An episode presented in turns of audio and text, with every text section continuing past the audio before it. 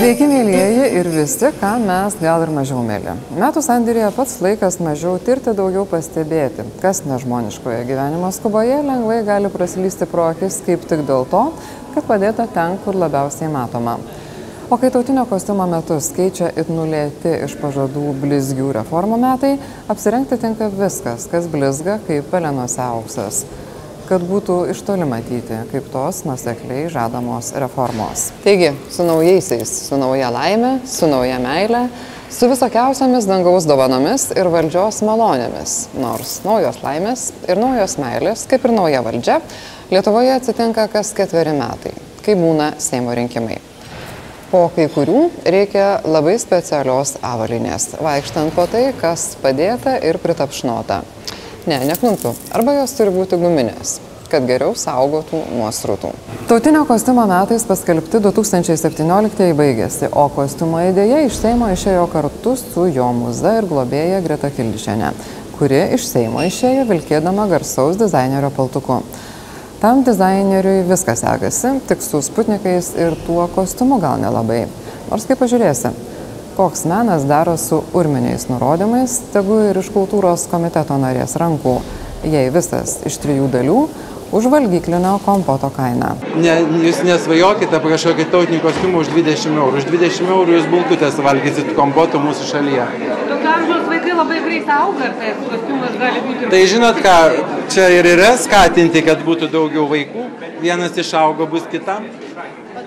Gerai atsakiau, ar ne? kiek galėtų kainuoti, jeigu sako, 20 eurų, tai kompotas suvalgyti?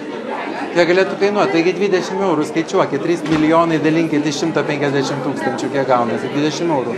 Pasiuvimas medžiaga iš trijų dalių komplektas, mergaitėm ir berniukam. Jūs paskait, paskaičiuokit. Aišku, pavyks. Aš profesionalas, man viskas pavyksta, jūs nepastebėjote. Nepavyko, pastebėjom. Užtat įkvėpėja apsigynė kolegijos diplomą su paltuku, kurio pasiuvimas 4,5 euro. Ir tai 4,5 karto pigiau už Happy maestro kostiumą. Kodėl? O todėl. Jūs apie savo asmeninį gyvenimą kalbate viešai? Aš nesu viešas asmuo. Ačiū. Apie savo asmeninį gyvenimą aš viešai nekalbu. Sekantis klausimas. Aš jums į klausimą atsakiau. Sekantis klausimas. Atvirai svarbesnės klausimas buvo Seimo pirmininkui. Kaip jis jaučiasi pernai per rinkimus iš kuklaus laidų vedėjo ir agronomijos fakulteto dekano patekęs į tautos atstovybę.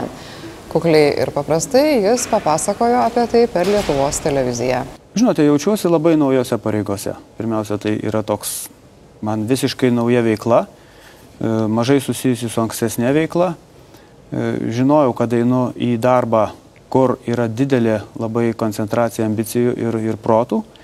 Ir O kuo daugiau ambicijų ar protų? čia viena, viena eina šalia kito, nebūtinai juos galima lyginti. Gerai, tai kaip ir žadėjom pradžioje, švenčių progą atsikvėpkime ir pasidairykime po tą neišsemiamą proto bastioną ir jo prieigas. Nes normalus žmogus retai turi laiko ištisai stebėti tuos proto ir ambicijų proveržius. Proto gal ir daug, bet kartais vis tiek to paties prireikia keliose vietose vienu metu. Ir taip, kad nors persiplėšk. Tada, jeigu esi Agnė Širinskinė, pasiėmė Aurelijos Verygos ir Ramūno Karbauskio balsavimo korteles ir su svetima kortele lyg niekur nieko registruojasi balsavimai, tikėdamasi, kad niekas nepastebės to veiksmo, kuris ankstesnėje kadencijoje kartą kainavo visą mandatą. Kai vis dėlto pastebi, sakai, ai, o tai čia problema, ne? Jeigu čia kultūringa įstaiga. Toliau Agnė Širinskinė. Aš tiesiog prašyčiau anuliuoti tuos registravimusis balsavimui tiek.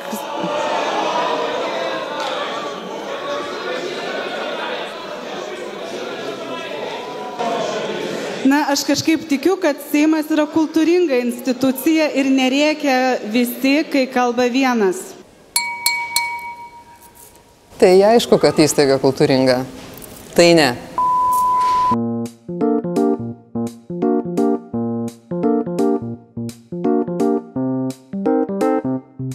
Beveik įdomu, ką ponia už Algirdo Butkevičiaus ten rado. Ką jau pavyko rasti, jeigu taip galima? Aišku, daug ką pavyko rasti ir tam tikros plastikos ir netgi rusiškų knygų išmestų. jau prieš kurį laiką, taip pat, aišku, ir e, taros tam tikros stiklinės, plastikinės ir, ir, ir įvairiausių kitų šitų. Ilgiau ties ekonomistu ministru pirmininku šiandieną nesustokim, nors jo lyginamų, nepalyginamų dalykų kartais baisiai trūksta. Kaip naujos serialo serijos, kaip naujos Seimo posėdžio scenogramos ir kaip naujo Ramūno Karbauskio paaiškinimo, kad koalicija kaip niekada vieninga, o frakcija taip pat. Arba kaip visi aplinkui trukdo dirbti, o labiausiai visko klausinėjantys žurnalistai. Dievažė su tais kartais reikia ryštingų valinių sprendimų, maždaug tokių kaip LVŽS mokesčių reforma arba ryšto ir naujų vėjų kupinas ministro pirmininko rastas kancleris iš VRM ir Minsko milicijos mokyklos. Replika, kadangi paminėta pavardė. Tai prielaidą galiu daryti. Ne pavardė paminėta, ne pavardė. Skvernas yra žemaitiškas Bet, žodis, a, skvernelis irgi žemaitiškas. Jūs užtrauk, užkiškite burną šitam žmogui. Tai aš norėčiau pasakyti vieną dalyką reaguodamas. Vėlgi, yra vaikai, mes ten bandome kovoti, sakyti prieš patyčias. Lietuvos vyriausybės kanclerio ugdymo ir lavinimo kalvė Minskas per šiuos metus iš Vilniaus tapo pasiekiamas jau ir elektriniais traukiniais. Ryga ir Talinas netapo pasiekiami jokiais traukiniais. Sotsdemų geležinkelio atšaka į Latviją iš viso dingo, kaip Greta su Milena iš Seimo buvo ir nebėra. Skirtingai nuo Gretų ir Milenų, už pradangintus bėgius reikia mokėti baudą. Srutinas yra reikalas ta europinė konkurencija su visa laisva Europos rinka, kai laiku nespėjai užblokuoti. Na, bet galima bandyti iš naujo, bent jau laiškus iš Laisvosios rinkos instituto apie laisvą rinką. Ypač jeigu tas institutas nepailsta aiškindamas, kad rinkos suvaržymai didina šešėlį. Tai pradėkim, ponė Tomilinai, nuo to, kad jūs pasiūlėte Seime užblokuoti Laisvosios rinkos instituto siunčiamus laiškus. Jūs rimtai? Ne. Nerimtai. Aš taip nepasiūliau. Aš pasiūliau Seimo nariams nuimti makaronus nuo ausų. Aš labai noriu jūsų paprašyti iš tikrųjų galbūt užblokuoti Laisvosios rinkos instituto elektroninius laiškus, kurie jie siunčia ir nuolat manipuliuoja informaciją. Atgal nuo Europos proto ir ambicijų tvirtovė užtikrintai žengė ir tada, kai Seimo vicepirmininkė išsirinko Ireną Šiaulienę. Ankstyvą paukštelį, dantis rakinėjantį. Skiriant ją į šį postą, poniai Šiaulieniai, disertacijos apie komjaunimą, tarybų valdžios kūrimo pagalbininką, autoriai, tai reikėjo pasakyti, atleiskit, tais laikais prie komunistų parašiau, o šiandien niekam tikusi ta mano disertacija. Tokia pat aš ir mokslų daktarė. Bet nepasakė. Tremti ir žudinės ištvėrusios tautos atstovė apie okupaciją paaiškino iš viso širdies ir plačių įsitikinimų net rašydama disertaciją, kuri šiandien atrodo ideologiškai, na, kaip sakoma, turinti tokį prieskonį negerą, vartydama šaltinius, kurie buvo pakankamai cenzuruoti, vis tik tai aš radau. Ir kalbant šitą temą būtų galima dar daug ką pasakyti.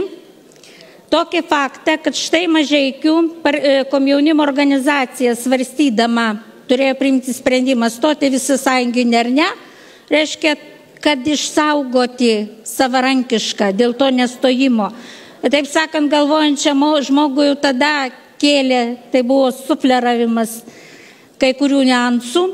Ir e, prasidėjus sąidžiui aš tikrai buvau visada visuomeniškai pakankamai aktyvi. Aš domėjausi politiką, Galiu pasakyti, kad tai galbūt susiję ir su mano močiute, kuri buvo labai žingeidi, visada klausydavo radio. Negali stebėtis, kad po tokių paaiškinimų Seimo gražuliui žiūrint į moteriškės darbę nuolat kyla labai esmingi klausimai. Ko joms iš viso kur nors eiti, o juo labiau į Seimą, kur niekės tutis pukas nebegalėtų padaryti nieko, išskyrus, kad pakalbinti. Kada aš mačiau per žiniasklaidą, kada moterys eina į prekybos tinklus pirkti papinykų ir tursikėlių, tai ko jos ieško - vyro, meilužio ar darbo? Tai ko jos vertos? Tos moterys, jūs man pasakykit. Aš manau, kad tikrai, jeigu žiūrim į šitą klausimą, žiūrėkim iš esmės. Da, aš pasakysiu ir trečią dalyką. Jeigu kestutis pukus, pažiūrėkit žmogus amžiui. Nu, nejaugi jis tą, ką galėjo tą moterim padaryti, apart pakalbinti. Ką jūs čia, kai sako šnekį? Šnekat kažkokias nesąmonės. Kestutis Pūkas, matyt, tąją akimirką šyptelėjo, o rudenio paskelbė, kad dar kartą Lietuvos Respublikos piliečio dokumente bus įrašytas tėvų. Tuo tarpu į Seimą kviečiamų VDU ekspertų turimi duomenys apie Šiaurės Europos šalis galimai, galimai Kestučiui Pūkui keltų naujus tėviškus jausmus. E, šitą skirtumą tarp Švedijos ir Lenkijos taip pat galima rasti. Švedijoje yra pats didžiausias palaidų mergaičių skaičius, kurioje lytinis švietimas įvestas privalomas nuo 57 metų. E, ir palyginimas su Lenkijoje, kurioje skaičius yra pats mažiausias Europoje, Lenkijoje yra privalomas jaunimo rengimas šeimai. Taigi paskutinė skaidrė ir ką aš siūlau. Ką aš siūlau labai konkrečiai. Būtina inicijuoti socialinės prezervatyvų rinkodaros etikos kodekso atsiradimą. To kodekso dar nėra, bet palaidos mergaitės niekada neatsiejamos nuo alkoholio, o rizika trigubai didesnė, jeigu jos nesirengia tautiniais rūbais. Ta kiekvienas pukas žino. O jeigu rengiasi, mažesnė. Kultūros komiteto pirmininkas leidžia žmonai, tai kuri Ispanijoje, gerti vyną. Tai gali būti, kad nuo blogos akies ją saugo toks pat gražus kaip mano tautinis kostiumas.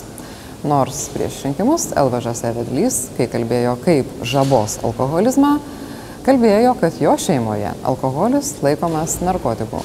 Tuose paaiškinimuose, jeigu nepatyręs, gali paklysti, kaip kad kokiuose pasaulio sveikatos organizacijos ataskaitose. Arba vėl, kaip kultūros komiteto pirmininko aiškinimuose, kai gavęs klausimus iš vienos televizijos, pakalbėti apie juos, tiksliau paaiškinti, kokie jie neteisingi, nueina į kitą. Arba kai į klausimą, kodėl agrokoncernas perka ūkininkams alkoholį, Ramūnas Karbauskis atsako, o mano žmona geria vyną ir aš problemų nedarau. Kiekvienas pagal savo panetkės pateikia informaciją, kiek Lietuvos gyventojai išgeria. Ne, tai pranešti turi stukačiai. Stukačiai ir panetkės - tokie du žodžiai buvę medoje maždaug šiaulienės disertacijos įvykių laikais. Ir tais laikais, kai žmogaus teisės buvo lozungai, bet nieko bendro su tikrove. Kai kuriais atvejais tokios jos ir liko, kai kuriems nuo ultratautinio jaunimo iki nenuosaikiųjų konservatorių, nuradikalėjusiems tautos atstovams. Ypač jeigu kalbama apie teisės tų, kurie ultratautiniam jaunimui taip niekada viešai ir nepatiko. Kaip eks-ultratautinis jaunimas be patobulėtų kelyje į Seimą. Išminties ir ambicijų tvirtovę. Iš tiesų, dažnai tokiuose diskusijose ištraukiama ne va tai žmogaus teisų kortą. Iškart galiu aiškiai pasakyti, kad e, kai kalbam apie vienalytės santokas ir apie partnerystę, nėra kalbos apie jokias žmogaus teisės. Tai yra tam tikros žmonių grupės interesas išplės savo teisės ir tiek. Ir visą tai būtent tokioj, tokių kampų reikia ir vertinti. Dar apie teisės ir išmintį. Ir apie nepaneigiamus įrodymus, kad amžius ir protas visiškai ne tas pats. Vienas, nebejaunas, ar protingas spręskit patys. Seime pasamprotavo, kad nėra ko būti į savivaldybės renkamam kaip kokioj Čekijoje nuo 18. Ir tuo pačiu paaiškino, kas šituos žmonės varo į politiką. Tiksliau, tai, ką jiems paaiškino kaip politika. Yra tarybos nariai, į katrus gali kreiptis savo požiūrį. Jie priklauso visokiam asociacijom, bendruomenėm, mokyklų judėjimuose, kur gali pris, e, kreiptis į tarybą ir jų sprendimai, jei būtų tarybai, nežinau, kaip būtų jų sprendimai. Pagal medicininę logiką, kiek aš va pasikalbėjau su medikais, e, žmogaus smegenys formuojasi iki 25 metų. Dabar jam 18 dar formavimėsims visas smegenų.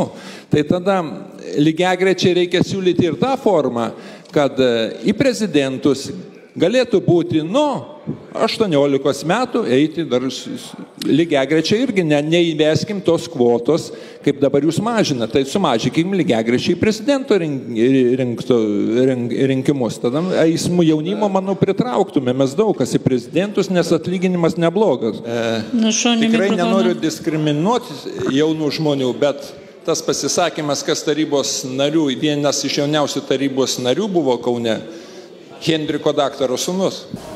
Va tokia logika. LVŽS lyderis Ramūnas Karbauskis sako, kad kitas Respublikos prezidentas bus tas, kurį jie rems. Tai atsiminkit, ko einama į prezidentą.